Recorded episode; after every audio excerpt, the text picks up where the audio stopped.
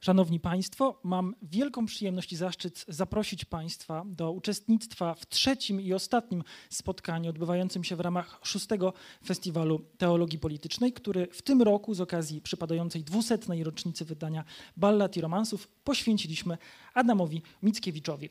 Witam serdecznie wszystkich naszych gości, sympatyków i czytelników teologii politycznej, miłośników twórczości Adama Mickiewicza. Z tego miejsca chciałbym serdecznie podziękować naszym e, gospodarzom Filmotece e, Narodowej Instytutowi Audiowizualnemu, naszym patronom medialnym, Dziennikowi Rzeczpospolita, TVP Kultura, Dwójce Polskiego Radia i Polskiej Agencji Prasowej, naszemu partnerowi Instytutowi Tomistycznemu i darczyńcom i wolontariuszom teologii politycznej. Nasz dzisiejszy wieczór, jak wszystkie nasze spotkania festiwalowe, jest podzielony na dwa akty. W trakcie pierwszego z nich będziemy dyskutować o Mickiewiczowskiej wizji historii, jego autorskiej wizji historiozofii i roli poety w dziejach. Później odbędzie się projekcja filmu Lawa, opowieść o dziadach Adama Mickiewicza w reżyserii Tadeusza Konwickiego. Chciałbym teraz przedstawić serdecznie naszych wspaniałych gości. Jest z nami dzisiaj Tomasz Herbich. Stały współpracownik teologii politycznej, redaktor naczelny Rocznika Historii Filozofii Polskiej, specjalizuje się w historii filozofii polskiej i rosyjskiej. Jest z nami również pani Ewa Hoffman-Piotrowska. Wykładowczyni Uniwersytetu Warszawskiego, adiunkt w Zakładzie Literatury Romantyzmu, redaktor naczelny czasopisma Prace Filologiczne Literaturoznawstwo. Jest z nami również pan Zbigniew Kaźmierczyk. Kierownik pracowni literatury etnogenetycznej, prezes oddziału Gdańskiego Towarzystwa Literackiego imienia Adama Mickiewicza. Jest z nami również pani Maja Komorowska. Aktorka teatralna i filmowa, także profesor sztuk teatralnych Warszawskiej Akademii Teatralnej. Szanowni Państwo, chcielibyśmy rozpocząć dzisiejszą dyskusję od przeczytania fragmentu Ksiąg Narodu Polskiego i Pielgrzymstwa Polskiego.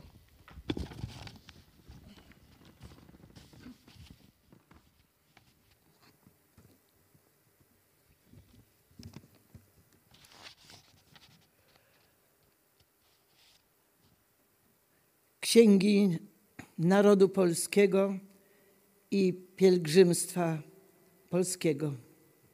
Fragment. Na początku była wiara jednego Boga i była wolność na świecie. I nie było praw, tylko wola Boga, i nie było panów, i niewolników, tylko patriarchowie i dzieci ich. Ale potem ludzie wyrzekli się Boga jednego i naczynili sobie bałwanów i kłaniali się im i zabijali na ich cześć krwawe ofiary i wojowali za cześć swoich bałwanów. Przeto Bóg zesłał na bałwochwalców największą karę, to jest niewolę. I stała się połowa ludzi niewolnicą drugiej połowy, chociaż wszyscy pochodzili od jednego ojca, bo wyrzekli się tego pochodzenia i wymyślili sobie różnych ojców Jeden rzekł, iż pochodzi od ziemi, a drugi od morza, a inni od innych. A gdy tak wojując, jedni drugich brali w niewolę, wpadli wszyscy razem w niewolę imperatora rzymskiego. Imperator rzymski nazywał siebie Bogiem, i ogłosił, że nie ma na świecie innego prawa, tylko Jego wola. Co On pochwali, to będzie nazywało się cnotą, a co On zgani, to będzie nazywać się zbrodnią. I znaleźli się filozofowie, którzy dowodzili, iż imperator tak czyniąc dobrze czyni a imperator rzymski nie miał ani pod sobą, ani nad sobą nic takiego, co by szanował. I ziemia cała stała się niewolnicą, a nie było takiej niewoli nigdy na świecie, ani przedtem, ani potem, oprócz w Rosji za dni naszych. Bo i u Turków sułtan musi szanować prawo Mahometa. Ani może go sam wykładać, ale są na to księża tureccy. W Rosji zaś imperator jest głową wiary i w co każe wierzyć, w to wierzyć muszą. I stało się, iż gdy niewola wzmocniła się na świecie, nastąpiło przesilenie jej, jako przesilenie nocy w noc najdłuższą i najciemniejszą. Tak przesilenie niewoli w czasie niewolnictwa rzymskiego. A on czas przyszedł na ziemię, Syn Boży, Jezus Chrystus, nauczając lud, iż wszyscy są bracią rodzoną, dziećmi jednego Boga. I że ten jest większy między ludźmi, kto im służy i kto poświęca siebie dla dobra ich. A im kto lepszy, tym więcej poświęcić powinien. A Chrystus, będąc najlepszym, miał dla nich krew poświęcić męką najboleśniejszą. Adam Mickiewicz przygląda się dziejom ludzkości, stara się, można powiedzieć, zrekonstruować pradzieje ludzkiego ducha, przygląda się temu, jak kształtowała się dialektyka wolności i niewoli. Do złudzenia przypomina to filozofię e, Hegla, z którą wiemy, że Mickiewicz zresztą w swoich, e, w swoich podróżach po Europie się zetknął. Czy można powiedzieć, że Mickiewicz w jakimś stopniu stara się stworzyć chrześcijańską odpowiedź na e, dialektykę heglowską, na filozofię dziejów z czasów późnego oświecenia? Może do Tomasza Herbicha skieruję to pytanie. Znaczy zdecydowanie można tak powiedzieć. Co więcej, e, z perspektywy Mickiewicza filozofia Hegla była czymś e, przerażającym, była czymś, co jak on sam określał, to filozofia w ogóle stanowi fałszerstwo objawienia. Filozofia Hegla stanowi stanowi e, punkt kulminacyjny w dziejach tego fałszerstwa objawienia. Ja chciałbym, jeżeli chodzi o ten problem, zwrócić uwagę na kilka rzeczy. To znaczy, po pierwsze, na to, że opowieść o historii jako o dziejach niewoli i wolności, jako o dziejach zmagania się niewoli i wolności, jest opowieścią, którą e, w poprzedzającej e, Mickiewicza generacji polskich filozofów reprezentował oczywiście Stanisław Staszic. To jest także opowieść rodu ludzkiego, nie tylko opowieść ksiąg narodu polskiego i E, innych tekstów mickiewiczowskich. To jest oczywiście bardzo istotne, ale z całą pewnością niezależnie od tych e, wewnętrznych kontekstów, kontekstów polskich, ten kontekst heglowski jest niezwykle istotny dla zrozumienia tego, co do powiedzenia o filozofii i o właśnie dokonywanej przez filozofię, o dokonywanym przez filozofię fałszerstwie objawienia miał Mickiewicz. E, w Księgach Narodu widzimy bardzo wyraźnie myśl, która zostanie rozwinięta w prelekcjach paryskich, czyli myśl, zgodnie z którym za każdym razem, kiedy pojawia się to bałwochwalstwo, które ugruntowuje niewolę polityczną, pojawiają się także filozofowie, którzy dają racjonalną, racjonalne uzasadnienie dla tego, bałwochwalstwa. E, I nie ulega wątpliwości, jeżeli na przykład weźmiemy do ręki ostatni wykład pierwszego kursu prelekcji paryskich, to on jest dokładnie wykładem, który mówi to samo o roli filozofów nowożytnych. Filozofii, którą e, Mickiewicz określiłby mianem racjonalistycznej i lub właściwie byłoby lepiej powiedzieć materialistycznej. Bo oczywiście to nie są pojęcia, które. Jest tak, że jest filozofia racjonalistyczna, która nie jest filozofią materialistyczną, to jest oczywiście zwłaszcza filozofia Hegla. I to jest pierwsza uwaga. Druga uwaga jest taka, że oczywiście to, co jest kluczowe z perspektywy Mickiewicza, to jest to, że, e, że e, filozofia, zwłaszcza filozofia niemiecka, w pojęciu ducha, miesza ducha z umysłowością. Tak? I to jest kluczowe. To znaczy, filozofia Hegla stanowi szczytowy, e, szczytowy moment w procesie manifestowania się rozumu jako absolutu a w związku z tym jest oczywiście fałszerką objawienia i jest filozofią, o której powie, że stroi się w chrześcijańskie szaty, mm, niezależnie od tego, że jest chrześcijaństwem, że oczywiście rozumie pewne pojęcia chrześcijańskie, tak jak pojęcie słowa na przykład, czy wcielonego, czy, czy grzechu pierworodnego, rozumie te tematy nauczania chrześcijańskiego inaczej niż autentyczne chrześcijaństwo. I Mickiewicz z pewnością e, swój światopogląd mm, czy swoją jakąś propozycję intelektualną próbuje, próbuje zbudować w taki sposób, aby powrócić do autentycznego chrześcijaństwa wbrew między innymi Heglowi. Tak, pani profesor? To ja powiem coś strasznego może e, tutaj e, dla, dla, dla pana, który para się filozofią, dlatego że ja bym nie przeceniała znowu, e, mm, jakby to powiedzieć, postawy Hegla czy jego poglądów dla, mm, dla samego Mickiewicza. W istocie Mickiewicz e, e, słuchał Hegla w Berlinie, był na dwóch wykładach. To nie była fenomenologia ducha, jak początkowo sądził, sądził chyba Chmielowski. Natomiast Mickiewicz wprost się przyznawał, że on Hegla nie rozumiał. Że go nudził, tak? E, on się nudził, tak. To wprost odniesienie, któremu raz można wierzyć, raz nie. Ale mówię, że jeżeli ktoś w tak trudny i zawikłany sposób opowiada zagadnienia filozoficzne, to znaczy, że po prostu ich nie rozumie. E, deprecjonował Hegla i myślę, że przede wszystkim Hegel był dla niego taką metaforą filozofa w ogóle metaforą racjonalności i to wybrzmiało bardzo dobrze w tym cytowanym tutaj, e, przepięknie odczytanym fragmencie właśnie ksiąg, e, kiedy filozof jest tym, kto gruntuje, legitymizuje władzę państwową, władzę imperatora, to oczywiście możemy łatwo też odczytać e, e, e, kontekst.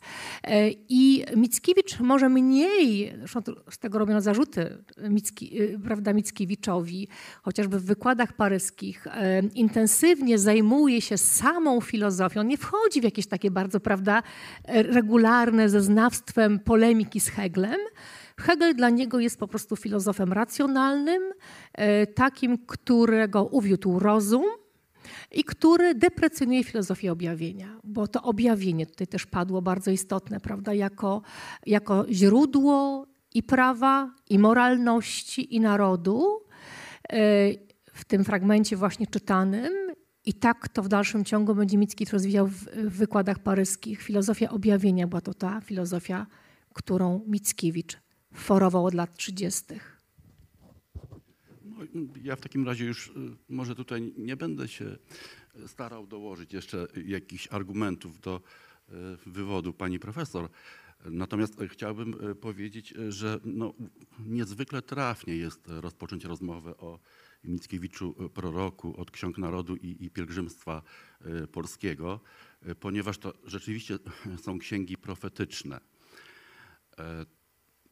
To może tutaj nie zabrzmiało tak w cytowanym fragmencie, ale właściwie e, cały ten wywód o e, monoteizmie i politeizmie jest e, u Mickiewicza, który sięga do dziejów Izraela, potem skrótowo pokazuje nam dzieje Rzymu, takim przygotowaniem do bardzo pozytywnej ekspozycji średniowiecza, średniowiecza chrześcijańskiego, chrystusowego, y, średniowiecza, które przywraca monoteizm i wolność w jego rozumieniu. Bo tam, gdzie monoteizm, tam wolność. Tam, gdzie politeizm, tam także skłonności do antropoteizmu, stawiania się człowieka na piedestale Boga i niewola.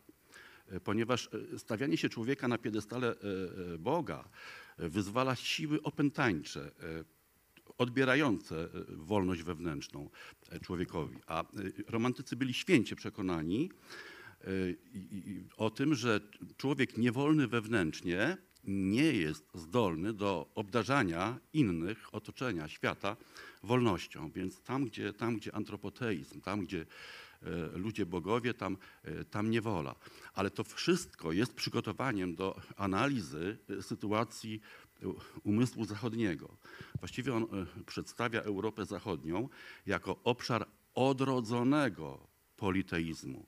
Tyle, że e, e, nie bogowie mitologii greckiej są stawiani współcześnie na pomnikach, ale pojęcia i wartości świeckie. I tak na przykład trójcą angielską jest po pierwsze panowanie na morzu, to jest ten Bóg ojciec kultury angielskiej, a w związku z tym także pomniejsi bogowie, okręt i para. A na przykład bardzo charakterystyczne i ciekawe. Bo, jacy są bogowie niemieccy? Otóż naczelnym jest dobrobyt, a w związku z tym pomniejsi warsztat i knajpa. No oczywiście można mówić o stereotypowości ujęć, prawda? Ale stereotyp nie zawsze musi oznaczać, jakby tak powiedzieć, nieprawdę, czy no, być traktowany pejoratywnie. Właściwie w myśleniu o, o świecie niekiedy skazani jesteśmy na pewną skrótowość, syntezę, może nawet stereotypowość. Pytanie, ile dany stereotyp y, niesie w sobie prawdy. Ale i teraz właśnie mądrzejsi z perspektywy wieków możemy powiedzieć, że to było niesłychanie prorocze, to przekonanie o sekularyzacji umysłowości europejskiej. O tym właśnie, że w miejsce, o, moglibyśmy powiedzieć krótko, o fetyszyzacji umysłowości europejskiej. To jest ta cenna, istotna e, wartość Ksiąg Narodu i Pielgrzymstwa. Tu padły słowa o tym, że Mickiewicz odpowiadał na e, próbę zafałszowania objawienia. Czy to jest jeden z tych powodów, dla którego to wdrożenie figury Chrystusa jako prawzorca wolności i przywrócenia człowiekowi jego istoty, włączenie go w ten tok dziejów sprawia, że idea Mesjasza może zostać zestawiona z ideą narodu, czy jest to, czy jest to, jakiś, jest to jakiś trop do znalezienia źródeł polskiego mesjanizmu? Y, jeśli, jeśli mogę, to y, w ogóle chyba od tego powinniśmy zacząć, że e, e, jeden ze stereotypów e, lektury Mickiewiczowskiej jest stereotyp Polski Chrystusa Narodów. Ja zawsze się śmieję, że kiedy zaczynam wykłady z romantyzmu dla studentów, pytam, gdzie taka figura się pojawia, gdzie Mickiewicz utożsamia Polskę z Chrystusem Narodów. No i studenci wskazują na dziadę, co pilniejsi na piątą scenę e, widzenia księdza Piotra. No proszę Państwa, nigdzie, w żadnym momencie dziadów nie pada takie sformułowanie. Nigdzie Mickiewicz nie utożsamia Polski z Chrystusem, aczkolwiek takie figury w tamtym czasie były.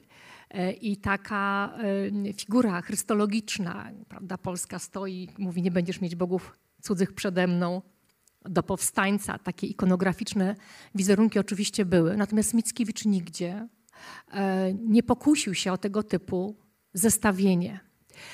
I to jest pierwsza bardzo ważna rzecz, że my jakby imputujemy Mickiewiczowi pewną lekturę, pewne odczytanie tej figury chrystologicznej, nie do końca zgodnie i z samym poematem, i z intencją Mickiewicza.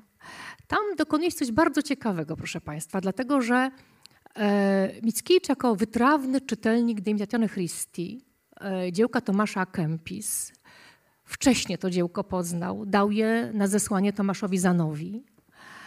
E, myślę, że dokonał czegoś rewolucyjnego, co traktowane wówczas było jako bluźnierstwo, bo zwróćmy uwagę, że indywidualne naśladowanie Chrystusa w biografii indywidualnej było rzeczą jak najbardziej przyjętą e, w Kościele. Mickiewicz idzie dalej. Mówi o naśladowaniu Chrystusa przez całe zbiorowości, przez narody. I mi się wydaje, że to jest klucz odczytania sceny widzenia i dziadów. To znaczy, mamy ewangelizować nie tylko siebie i mamy żyć Ewangelią nie tylko w pojedynkach jako podmioty, ale również jako zbiorowości. I o tym są też dziady. I o tym jest też scena piąta, która pokazuje analogię pomiędzy Polską a Chrystusem. Tak jak widzimy analogię pomiędzy życiem podmiotowym, odmiast naśladowanie Chrystusa. Przecież prawda, to jest ta mimetyczna e, filozofia Mickiewicza, gdzie wzorcem osobowym, wzorem wiekuistym, jak powie Mickiewicz w wykładach, prelekcjach paryskich, jest właśnie Chrystus. I on od tej pory ma być wzorem nie tylko dla jednostek, ale dla całych zbiorowości i mamy odczytywać biografie nie tylko indywidualne, również zbiorowe z perspektywy Ewangelii. Tak to ja rozumiem, tak to czytam. Myślę, że to jest dobry moment, żeby wysłuchać fragmentu Dziadów części trzeciej, małej improwizacji.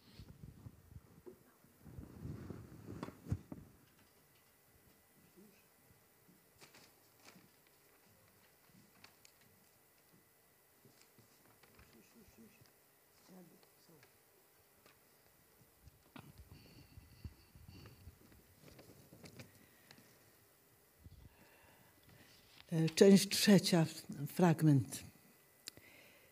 Wznoszę się, lecę tam na szczyt opoki, już nad plemieniem człowieczem między proroki. Stąd ja przyszłości brudne obłoki rozcinam moją źrenicą jak mieczem, rękami jak wichrami mgły jej rozdzieram. Już widno, jasno, z góry na ludy spozieram. Tam księga sybilińska przyszłych losów świata, tam na dole. Patrz, patrz, przyszłe wypadki i następne lata. Jak drobne ptaki, gdy orła postrzegą, mnie, orła na niebie. Patrz, jak do ziemi przypadają, biegą, jak się stado w piasek grzebie. Za nimi, hej, za nimi oczy me sokole, oczy błyskawice, za nimi szpony moje. Dostrzegę je, schwycę. Cóż to, jaki ptak powstał i roztacza pióra, zasłania wszystkich, okiem mnie wzywa. Skrzydła ma czarne, jak burzliwa chmura, a szerokie i długie na kształt tęczy łuku i niebo całe zakrywa. To kruk olbrzymi. Ktoś ty, ktoś ty, kruku, ktoś ty. Jam orzeł, patrzy kruk, myśli moje plącze. Ktoś ty, jam gromowłady. Spojrzał na mnie, w oczy mnie jak dymem uderzył. Myśli moje miesza, plącze.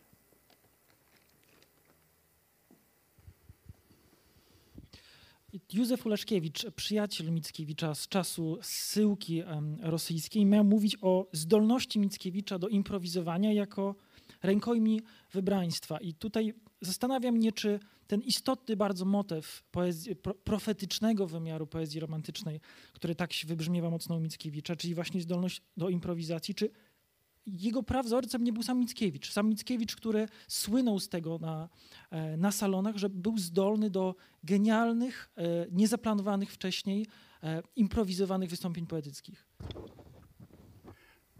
Jeśli można, to rzeczywiście i może by tak powiedzieć, że najbardziej cenił te wypowiedzi, które są improwizacją, są nawiedzone, są streszczeniem widzeń oczyma duszy powiedział do Aleksandra Choćki, że e, właściwie to ceni tylko ballady i romanse, e, dziady, księgi narodu i pielgrzymstwa polskiego w swojej twórczości.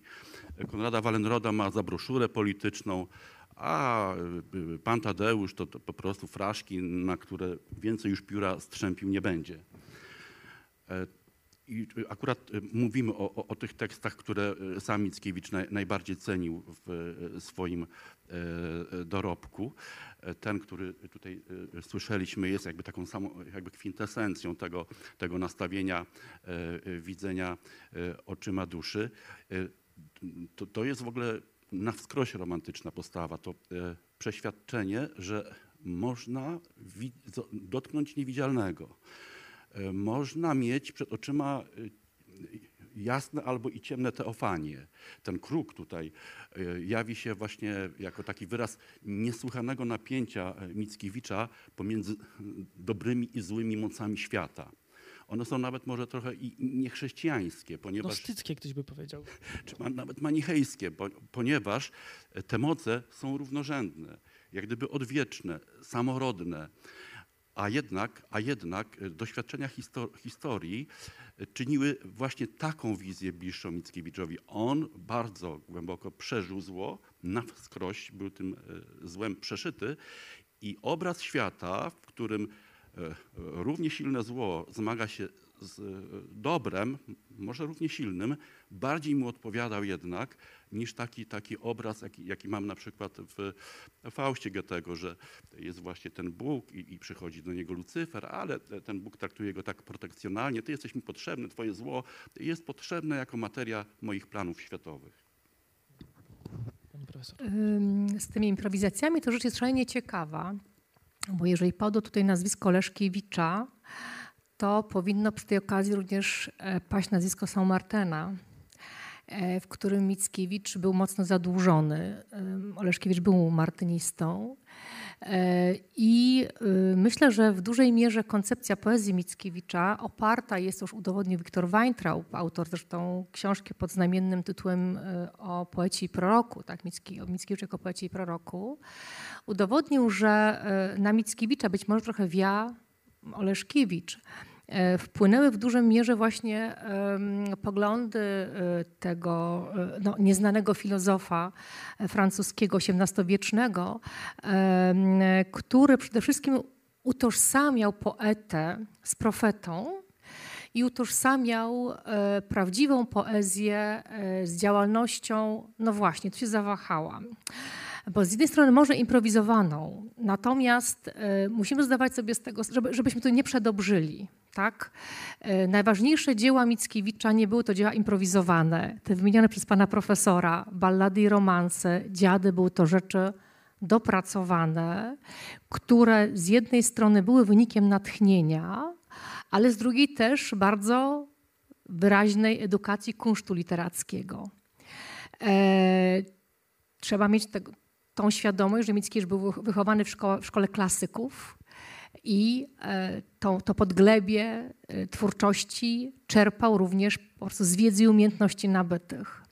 Improwizacje Mickiewicza e, są świadectwa tych improwizacji. Oczywiście są to wczesne świadectwa, ale proszę Państwa, w bardzo wielu przypadkach były to teksty słabe.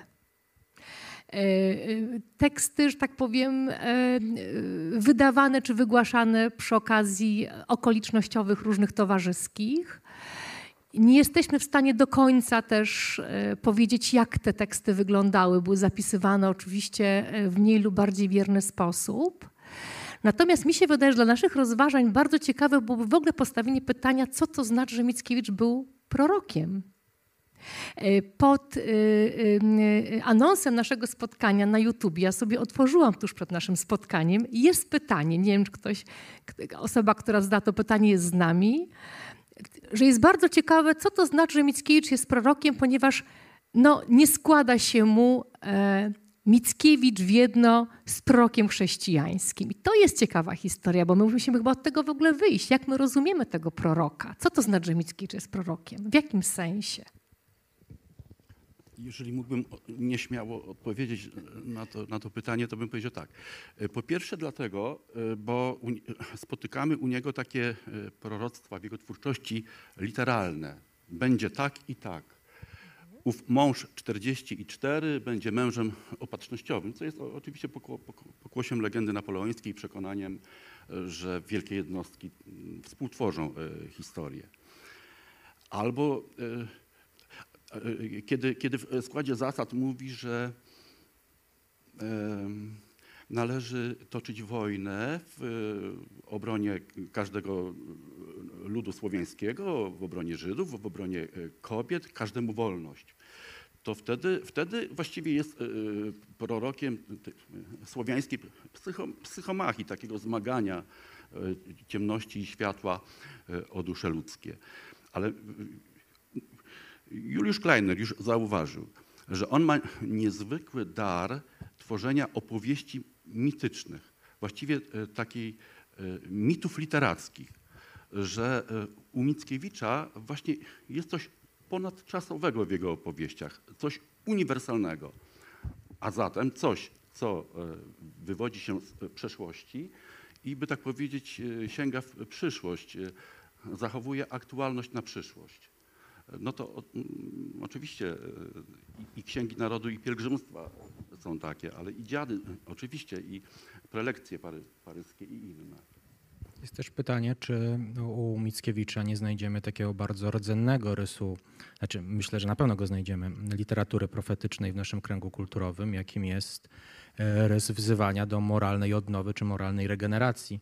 Jeżeli sięgniemy do najstarszych tekstów prorockich w naszej kulturze, do księgi Amosa, księgi Ozeasza, e, powstałych w IX-VIII wieku przed Chrystusem, to zauważymy, że to jest główny temat nauczania proroków, czyli to jest e, kwestia zidentyfikowania zła, źródła niesprawiedliwości społecznej, też oczywiście w planie teologicznym, nie tylko A nie tylko planie... patrzenie w przyszłość, prawda? Tak, i próby naprawy tej. I to, jak gdyby sądzę, jest głównym wątkiem. No, oczywiście ten, ten, ten, z pewnością to, o czym pan profesor powiedział, występuje w dorobku Mickiewicza i to jest tylko jak gdyby głos dodający coś do tego, o czym pan profesor powiedział. To jest na pewno głównym wątkiem tego profetyzmu, który znajdujemy w prelekcjach paryskich. Tak? Właśnie wezwanie do moralnej regeneracji ludzkości. Bo jeśli można jeszcze wtrącić, jaka jest jego najważniejsza figura historiozoficzna w młodości? Oblężone miasto. Bo je, czy, czy weźmiemy księ, Mieszka Księcia Nowogródka, czy Żywildę, czy Grażynę, czy, czy Konrada czy innych, to, albo, to jest to albo oblężone miasto, albo ob, oblężony kraj. I teraz właściwie co się dzieje w tym w oblężonym mieście u, u Mickiewicza? No, występują obrońcy tego miasta. Ale czy tylko? No nie tylko y, obrona wymaga ogromnej, ogromnej siły mentalnej, odwagi, bohaterstwa, więc nie, nie, każdy może być takim jednoznacznym obrońcą. Są wahający się, no i są zdrajcy. I właściwie y, od czego zależy wynik obrony tego miasta? No od proporcji. E, oblężone miasto jest e, Mickiewiczowską figurą, figurą historiozoficzną, która ma ten potencjał profetyczny.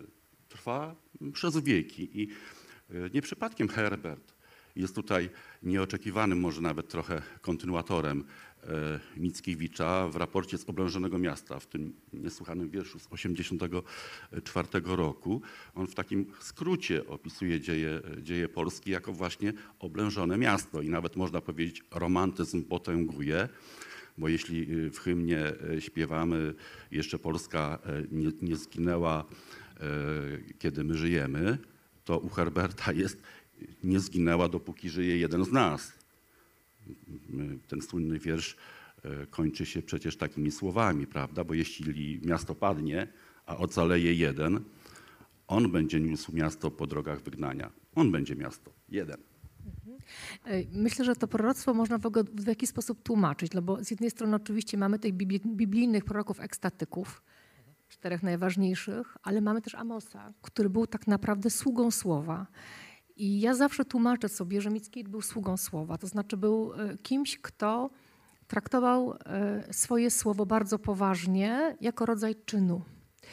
E, nie przeciwstawiałabym, tak jak robi to Alina Witkowska, słowa czynowi. U Mickiewicza słowo było czynieniem.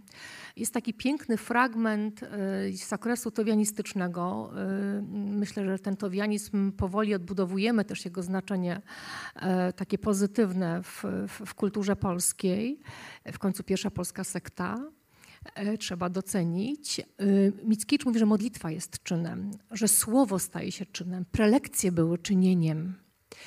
Co to znaczy? I tutaj myślę, że ten profetyzm Mickiewiczowski bardzo się wyraźnie e, jakoś uosabia. Mickiewicz zawsze traktował siebie jako sługę, e, który działa poprzez mówienie. E, I to jest bardzo prorockie, i to jest takie. Zresztą, kiedy mówił o literaturze, o sztuce, która, jak to, to w liście słynnym do Kajsiewicza, takim prorockim, mówił, jest ladacznicą, nierządnicą, nie służy wielkim ideom, E, to powoływał się dokładnie na takie sformułowanie Saint-Martena, że nie należy robić poezji, dopókiś nie zrobi cudu, dopókiś nie będzie świętym. Wtedy dopiero można być poetą. Powoływał się na Mojżesza jako wzór poety, a potem w genialnej lekcji szesnastej, teatralnej przecież, prawda, mówi wprost o tym, że aktor to jest człowiek działający, to jest ktoś, kto jest sługą słowa.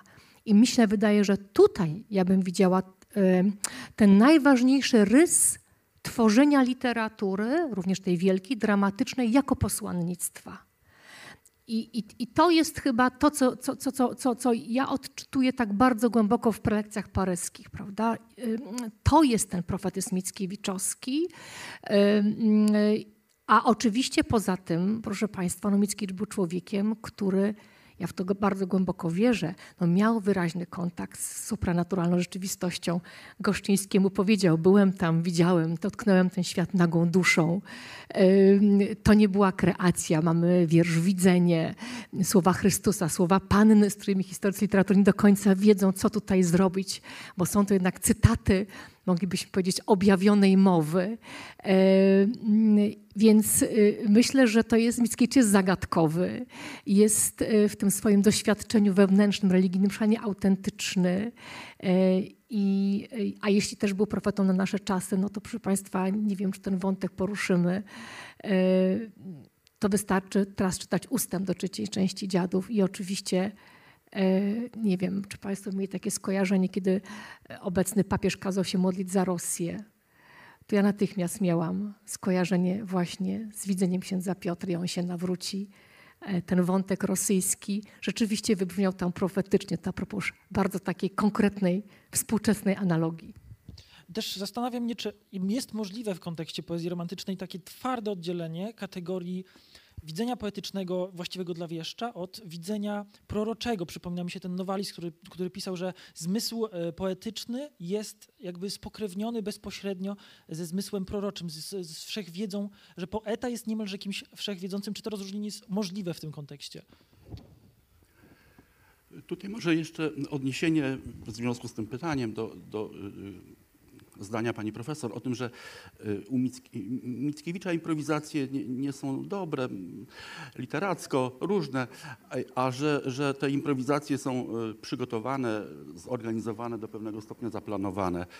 Y, zgoda, ale pod warunkiem takim. To są, to są przygotowane wybuchy treści podświadomych, ciemnych, takich można powiedzieć ciemnych teofanii. E, no przecież e, trzecia część dziadów to, to, to, to jest właściwie taki, e, ta, taka konstrukcja słowiańskiej struktury. Bóg i aniołowie, diabły, różne duchy złe, a pośrodku człowiek. Ale człowiek nawiedzony i opętany, człowiek, któremu trzeba księdza Piotra, żeby go egzorcyzmował. No ale to właśnie dzięki temu że ten bohater jest umieszczony w takiej strukturze, by tak powiedzieć, w kaptanie bezpieczeństwa, e, chrześcijańskim kaptanie bezpieczeństwa, można dopuścić e, erupcję jego ciemnych, podświadomych sił, które właściwie e, są siłami takiej inwersji obrazu świata, takiego odwrócenia obrazu świata na drugą stronę. Umożliwiają wybuch takiej wizji, wedle której Bóg jest carem. Mówi Pigoń, to znaczy przecież szatanem e, politycznym i, i pocieszał się tym, że ten bohater tego słowa nie wypowiedział carem, ale przecież cały jego wywód logicznie i konsekwentnie zmierza właśnie do, do tego nazwania, do tej inwersji teologicznej, można powiedzieć ciemnej teofanii, no, zupełnie niechrześcijański. No właśnie, ten, ten profetyzm romantyczny jest na takiej, można powiedzieć, linii kolizyjnej z, z koncepcją właśnie proroka, który jest sługą, sługą Boga, bo w tym momencie on staje się oskarżycielem. Nie, proszę Państwa, tutaj jest, znaczy tutaj już się kręciłam mocno, bo to, bo to proszę Państwa przede wszystkim tak, no, to co najważniejsze w dziadach nie, jest, nie wypowiadane jest w improwizacjach. Konrad jest wielkim przegranym. Konrad jest bohaterem, który nie otrzymuje tego, czego żądał. E, I e, wielka improwizacja jest dowodem tego, że pewien typ bohatera w dziadach e, Mickiewicz odrzuca taki bohater klasyczny, bajroniczny, zbuntowany, bohater niepogodzony z Bogiem, rozszalały poeta w dziadach przegrywa z Kretesem. Tak naprawdę paranetycznym bohaterem jest ksiądz Piotr. Uosobienie pokory, działania, głębokiej wiary, to on otrzymuje najważniejsze posłannictwo, nierozszalały indywidualista. E, ta antropologia jest bardzo tutaj e, ciekawa i też wydaje mi się, że mocno polemiczna wobec samego romantyzmu. E, dlatego, że Mickiewicz nam przemyca, że właśnie ten taki typ bohatera pokorny, który będzie z Panem gadał, otrzymuje supranaturalny kontakt, osobowy kontakt podmiotowy z Bogiem. E, nie wiem, dlaczego myśmy wysforowali tego Konrada e, na e, tego bohatera no, najistotniejszego. Tutaj najistotniejszy jest ksiądz Piotr ze swoją profecją, również wobec samego Konrada, który dopiero stanie się 44, kiedy prze, przejdzie ogromnie, myślę, trudną, skomplikowaną drogę metanoi, nawrócenia, służby wspólnoty, czyli porzuci wspólnocie, czyli porzuci wszystkie diagnostyczne cechy osobowe bohatera romantycznego, żeby stać się alter ego Christi. Bo to jest ten model osobowy e, e, dla Mickiewicza w Dziadach, w moim przekonaniu. Pani profesor, to w takim razie może e, głos polemiczny, bo po pierwsze, no, przegrany, przegrany Konrad. To zależy, jak rozumieć to przegranie. Bo jeśli byśmy na przykład wzięli tę znaną pracę Marii Janion pod tytułem Niesamowita Słowiańszczyzna, w której ona stawia tezę, że właściwie chrześcijaństwo było dla nas taką klęską dziejową a zwłaszcza tryb wprowadzenia chrześcijaństwa, ponieważ właśnie wierzenia, idee i wierzenia pogańskie zostały zatarte, wyparte i stały się e, niesamowite. Tkwią w naszej kolektywnej niepamięci, w naszej podświadomości zbiorowej, ale utraciliśmy z nimi kontakt i sami sobie staliśmy się cudzy. To jest bardzo mocna teza, dyskutowana. Mnie się wydaje, że właśnie e, można by i tak, także spojrzeć na Konrada jako tego, który jest medium łączności e, nas, odbiorców, samego Mickiewicza, ale także daje e, możliwość nam, odbiorcom, z tymi wypartymi, kolektywnymi treściami podświadomymi, pogańskimi, prasłowiańskimi. Bo warto tutaj pamiętać o, o takiej tezie, która głosi, że nasze pokrewieństwo z ludami irańskimi i o nasyceniu słowiańszczyzny dualizmem teologicznym. O tym, że nasi y, przodkowie przedchrześcijańscy wierzyli w dwóch bogów, równie silnych, równie mocnych, Oromaza i Arymana. Jeżeli tak, to moglibyśmy rozpatrywać Konrada jako medium łączności, łączności z tą starą teologią y, prasłowiańską. A to znaczy, a to znaczy, to by znaczyło, że właściwie tutaj mamy kontakt z nami podświadomymi, tymi wypartymi, tymi wyobcowanymi. Przywracamy e, nas, e, w nas prasłowian i możemy ich łączyć z nami chrześcijanami. Możemy, by tak powiedzieć, czuć się prasłowiańskimi chrześcijanami. No to by było zwycięskie. To by było, można powiedzieć nawet porównać do, do, do repliki Chrztu Polski, bo to właśnie ten e, bohater, poganin prasłowiański, wymaga, aby przybył ponownie chrześcijański ksiądz, ewidentnie tutaj rolę służebną odgrywający, aby przywrócić go chrześcijaństwu. Konrad e, w Rosji w ogóle nie spokorniał. E, cały obraz to opisał Przybylski, słowo i milczenie bohatera Polaków. On milczy. Cała ta peregrynacja odbywa się w milczeniu. Widzimy Rosję oczyma narratora, ale jaka to, jakimi oczyma? Oczyma jak sztylety. On, gdyby mógł, to by ten Petersburg rozwalił jak, jak wieżę Babel. E, on jest dalej zbuntowany i ta ciemna teofania, e, którą e, przedstawia Konrad, że świat jest w rękach złego Boga, czarnego Boga Słowian, właśnie tego demiurga, ona się zmienia. Teraz on sądzi, że nad światem panuje Bóg Starego Testamentu. Intronizuje tego Boga, ale nie na terenie Rosji. Rosja jest zoną udzielnego zła. W Rosji nie ma szans żadne dobro. Nie ma równowagi między dobrem a złem. Żadnej. Kontra pani profesor? E, e, tak, no, dla mnie jednak dziady przesycone są e, taką wyraźną teologią i wyraźną konstrukcją ewangeliczną.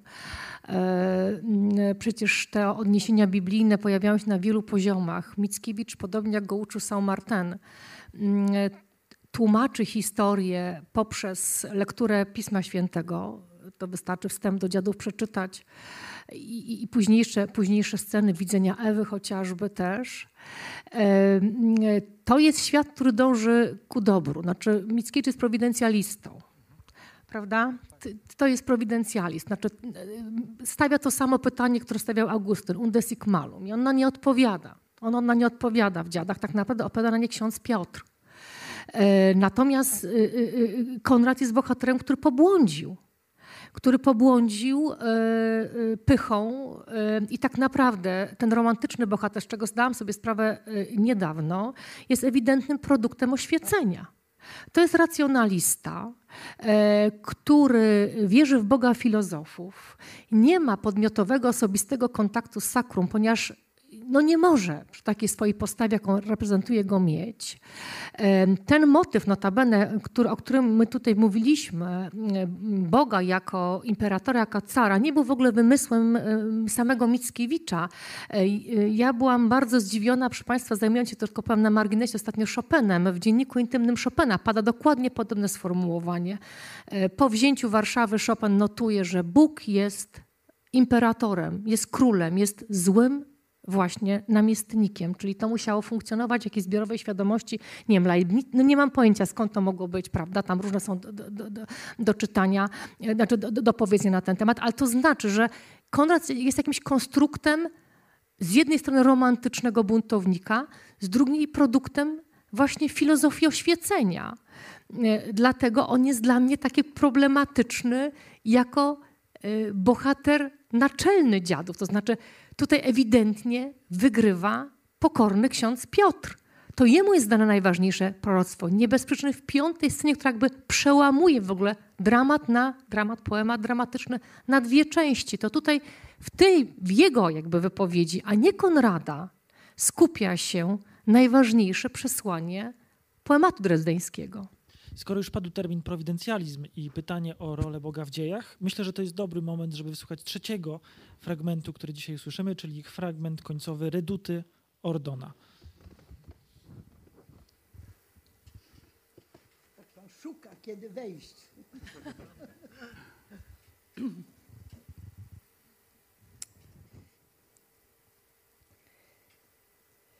Reduta Ordona. Fragment Spojrzałem na redutę, wały, palisady, działa i naszych garstka i wrogów gromady. Wszystko jak sen znikło. Tylko czarna bryła ziemi niekształtnej leży, rozjemcza mogiła. Tam i ci, co bronili, i ci, co się wdarli, pierwszy raz pokój szczery i wieczny zawarli.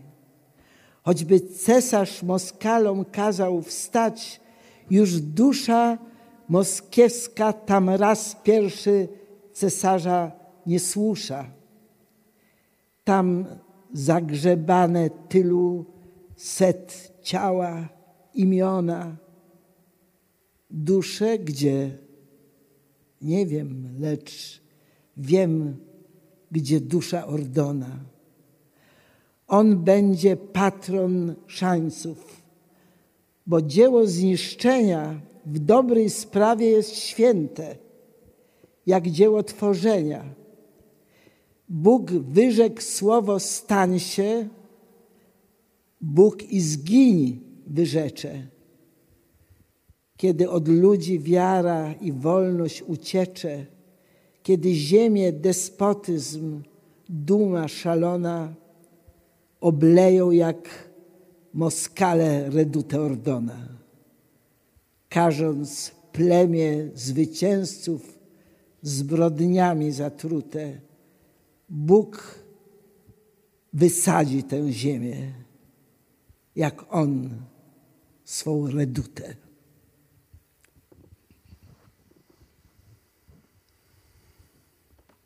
Mamy tutaj jak w soczewce kilka wątków, które już wcześniej się nam tutaj zarysowały. Mamy e, topos oblężonej twierdzy jako istotnego, e, istotnego obrazu historiozoficznego Mickiewicza. Mamy e, obraz Boga nadzorcy, Reduty, który wysadza się i w czynie niszczy niesprawiedliwość. Jak Mickiewicz wyobrażał sobie, jako właśnie prowidencjalista, tą obecność Boga Logosu w dziejach?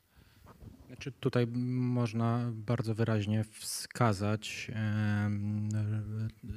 integralny związek tej koncepcji obecności Boga w dziejach z aktywnością człowieka. Tak? To są cytaty Mickiewiczowskie. To jest między innymi cytat mówiący o tym, że Bóg nie może działać inaczej niż poprzez człowieka. To jest tak na marginesie oczywiście wątek, który mm, z perspektywy filozoficznej bardzo zbliża to, co mówi Mickiewicz, e, do tego, o czym mówi Platon w uczcie, gdzie mowa jest o tym, że bogowie nie mogą kontaktować się z ludźmi inaczej niż przez eros. Tak? Tutaj pojawia się inna intuicja, intuicja taka, że Bóg może działać w dziejach tylko przez człowieka. I to jest chyba to, co jest najistotniejsze. Tak? Ostatecznie te dwa plany, to jest bardzo ważne. Ja tutaj z jedną rzeczą, o której pani profesor powiedziała, oczywiście nie, nie zgodzę się i będę tutaj polemiczny, czyli z tym, że Hegel jest wyłącznie w prelekcjach, jest, jest przede wszystkim, może o tak, jest przede wszystkim tak, żeby, żeby nie, nie, jakoś czegoś nie wypaczyć, jest przede wszystkim e, figurą filozofa. E, ja jednak e, będę tutaj przekonany, że Hegel jest istotnym punktem odniesienia i Mickiewicz jest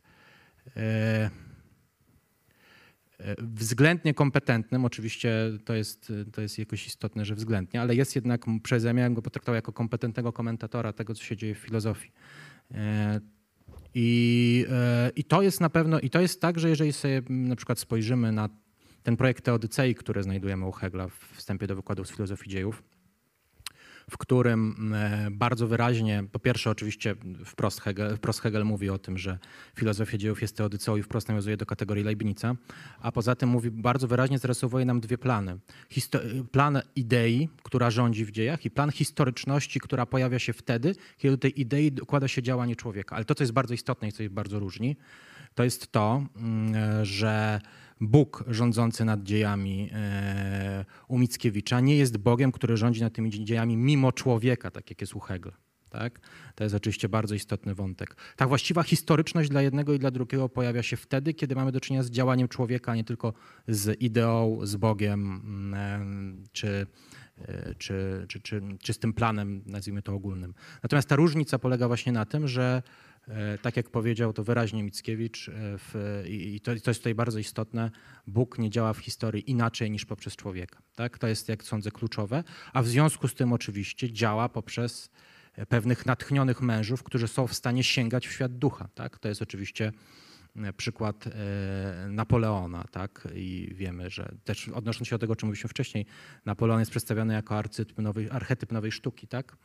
E, to jest też oczywiście to pytanie, no ale tutaj też rzecz jasna można oczywiście nawiązać do, mm, do admiracji, jaką Mickiewicz żywił wobec Stowiańskiego oczywiście.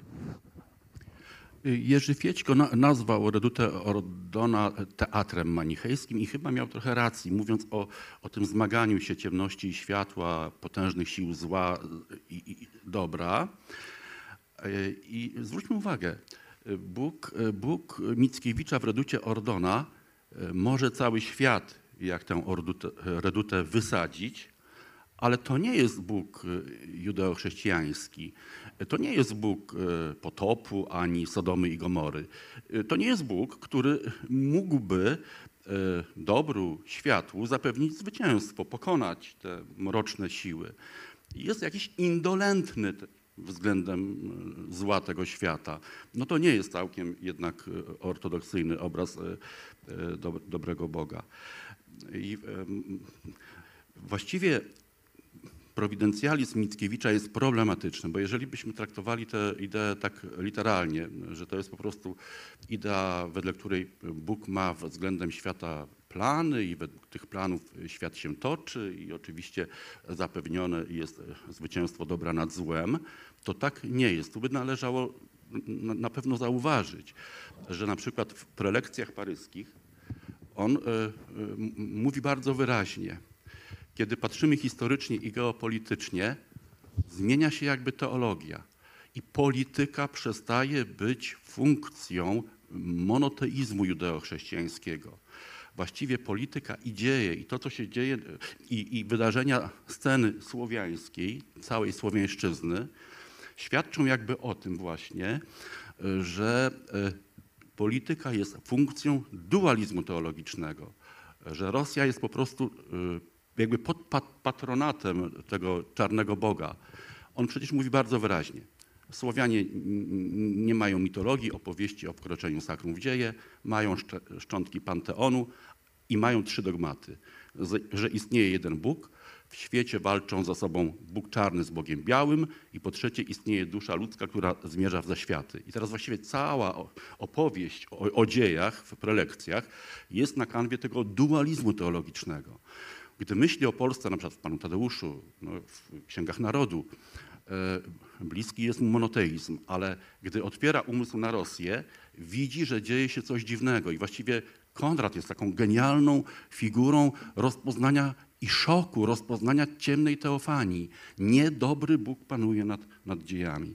Więc e, w tym sensie należałoby tutaj e, korygować troszeczkę tę ideę prowidencjalizmu w takim rozumieniu Jean-Baptiste Vico, który mówi po prostu o pewności zwycięstwa dobra w świecie. No znowu musiałabym trochę się nie zgodzić. Zapraszamy. Przede wszystkim w Reducie Ordona wydaje mi się, że jednak możemy identyfikować tego Boga jednoznacznie. Otworzyłam tutaj redutę, e, gdzie e, narrator wprost mówi, Bóg wyrzekł słowo stań się. No to jest ewidentne nawiązanie jednak do, do, do Genezis. Bóg i zgiń wyrzecze. Ale kiedy? No kiedy od ludzi wiara i wolność uciecze. To znaczy jak rozumiem, to jest bardzo podobna polityka prowadzona przez Mickiewicza, idea jak, jak, jak w Księgach Narodu i Pielgrzymstwa. E, Bóg interweniuje w dzieje i to jest bardzo podobny schemat jak u Krasińskiego, który miał cały czas tą obsesję nadbiegającego Boga e, po rewolucji francuskiej. E, interweniuje wtedy, kiedy człowiek po prostu sobie z historią nie radzi. I, i ten projekt tutaj w, w Reducie Ordona no chyba też tego dotyczy. Bóg wysadzi tę ziemię wtedy, kiedy rzeczywiście ta historia się przesili, zło w tej historii się przesili. Co więcej, tutaj nazwany jest Bóg Rosjan, a propos tego, co pan profesor mówił, tym Bogiem jest car.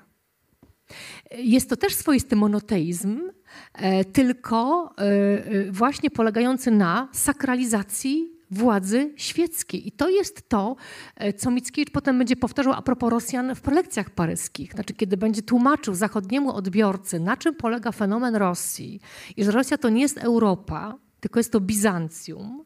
E, e, dokładnie Mickiewicz będzie, będzie, będzie wskazywał na dziedzictwo mongolskie dziedzictwo, i dziedzictwo Chingis Hana tak? I, i dziedzictwo Bizancjum, i e, tej, można powiedzieć, no, e, sakralizacji osoby władcy.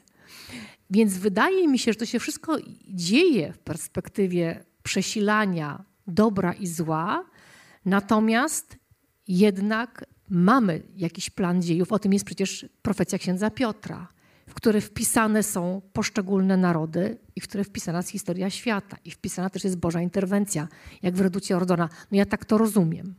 Ja mi się też wydaje, tutaj bym się zgodził z panią profesor, mi się też wydaje, że nawiązanie do Krasińskiego, analogię do Krasińskiego można pociągnąć jeszcze w kierunku trzeciego rozdziału traktatu o Trójcy.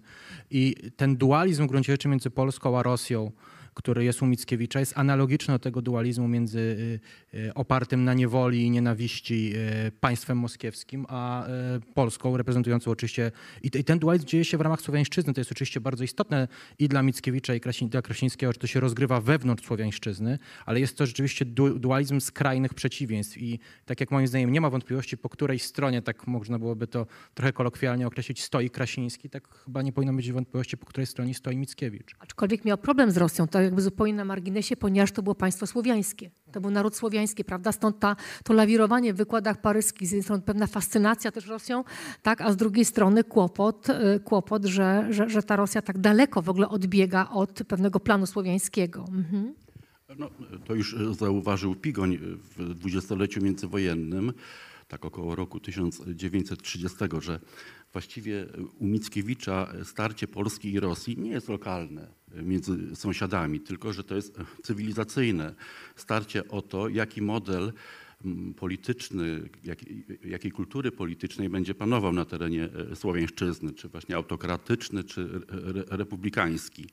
Ale mnie się wydaje, że tu można by jeszcze Mickiewiczowi oddać sprawiedliwość. On nie tylko wywróżył, wywróżył odwieczność kolizji polsko-rosyjskiej, on wywróżył także, także jej przebieg, jej, jej, jej frenetyczność, jej grozę, bo mianowicie, bo mianowicie e, skorelował e, Rosję właśnie e, z tymi mocnymi demonicznymi siłami. On pojął, pojął w kulturze rosyjskiej niszczycielstwo. Juri Łotman i Borys Uspiński zauważyli, że właśnie w kulturze rosyjskiej mamy do czynienia z taką dynamiką modeli dualnych, że w Rosji, w Rosji jest takie przechodzenie ze skrajności w skrajność jak carska Rosja, to carska. Potem jak, jak bolszewicka, to wytępić tę carską. Jak, generalnie właśnie e, e, e, oni sądzą, że przez brak w prawosławiu czyśćca tej strefy takiej pośredniej, Rosjanie są urodzonymi, skrajnymi, antyświatowymi dualistami. E, jeśli grzeszą, to przekonanie o tym, że na świecie nie można być bezgrzesznym, nie można nie być złym. Istnieje jakaś konieczność zła. Właściwie ten, ten świat jest zły w rękach złego demiurga, złego Boga. Właściwie należy mu się zniszczenie. To y, jest y, w kręgu widzenia Mickiewicza. On to przewidział. Tomku, czy ostatnie słowo o spotkaniu Mickiewiczowskiego profetyzmu z rosyjską duszą? Nie wiem, to chyba jest temat zbyt szeroki, żeby go jakoś tak, e, żeby go jakoś tak, a jest zbyt szeroki między innymi dlatego, że oczywiście Mickiewicz miał bardzo wiernych czytelników w Rosji, zwłaszcza w Rosji przedrewolucyjnej. E, dla rosyjskiego renesansu religijno-filozoficznego i takiego przedstawicieli jak Władimir Sołowiew, jak Mikołaj Bierdiajew, który definiował czym jest mesjanizm, nawiązując do Towiańskiego i Mickiewicza i którego definicję którego definicja stała się potem podstawą definicji Andrzeja Walickiego, co on wprost odnotowuje w jednym z przypisów, więc ma także duży wpływ na polską literaturę przedmiotu. E, jak Dymitr Mireszkowski, e, czy inni autorzy, którzy przeżywali fascynację bezpośrednio przed I wojną światową mickiewiczowskim mesjanizmem, pokazuje, że te relacje nie są takie jednoznaczne, tak? I w pewnym sensie e, Rosjanie mogli także w tych diagnozach odnajdować coś istotnego dla własnej walki z własną niewolą polityczną, nie? co jest przykładem zwłaszcza Miereszkowskiego, dla którego ofiarny mesjanizm, e, czy też dla Bierdiejewa, o czym chwilę powiem, dla, dla, dla Miereszkowskiego, dla którego oparty na idei ofiary mesjanizm Mickiewicza jest tym właściwym chrześcijańskim światopoglądem, czy co jest istotne dla Bierdiajewa, który chce e, zastąpić słowianofilstwo mesjanizmem wzorowanym na, oczywiście z jednej strony e, mowie puszkinowskiej Dostojewskiego, ale z drugiej strony także Towiańskim czy Mickiewiczu. Więc to są relacje bardzo skomplikowane i bardzo ciekawe i wydaje mi się, mm, że te rozpoznania dotyczące roli władzy politycznej, które, mm, które formułuje Mickiewicz, nie są rozpoznaniami, które muszą być a priori odrzucone przez wybitnych przedstawicieli rosyjskiej inteligencji. A propos Bierdiajewa, właśnie e, on rozpoznał w kulturze rosyjskiej wpływy orientalne tych idei manichejskich, tego dualizmu teologicznego i na tej podstawie mówił o Rosjanach jako urodzonych podpalaczach. To jest e, w Dostojewski e, taki w pracy po pierwsze idea rosyjska, a także o Dostojewskim. Rosjanie są urodzonymi podpalaczami, bo właśnie jakby kumulują i w kulturze rosyjskiej kumuluje się ta energia niszczycielska i ona potrzebuje od czasu do czasu erupcji. No a przecież niedawno Wiktor Jerofiejew w Encyklopedii Duszy Rosyjskiej nazwał Rosjan samojedami. Samojedy. No tak, no to, jest, to jest koncepcja w ogóle graniczności natury rosyjskiej, która tam jest bardzo wyraźna i która wychodzi z takiego założenia, że Rosjanie e, e, działają albo w imię Boga, albo w imię Antychrysta, tak? albo w imię Chrystusa, albo w imię Antychrysta. I, e, i tak z całą pewnością to jest też jakaś analogia dla tego, o czym mówiliśmy w przypadku tego dualizmu, który jest reprezentowany w Słowiańszczyźnie, czy to u Mickiewicza, czy zwłaszcza oczywiście w takiej ostrzejszej postaci u Zygmunta mm, Krasińskiego. Szanowni Państwo, nasz czas dobiega powolutku końca. Chciałbym serdecznie podziękować naszym gościom. Był z nami Tomasz Herbich.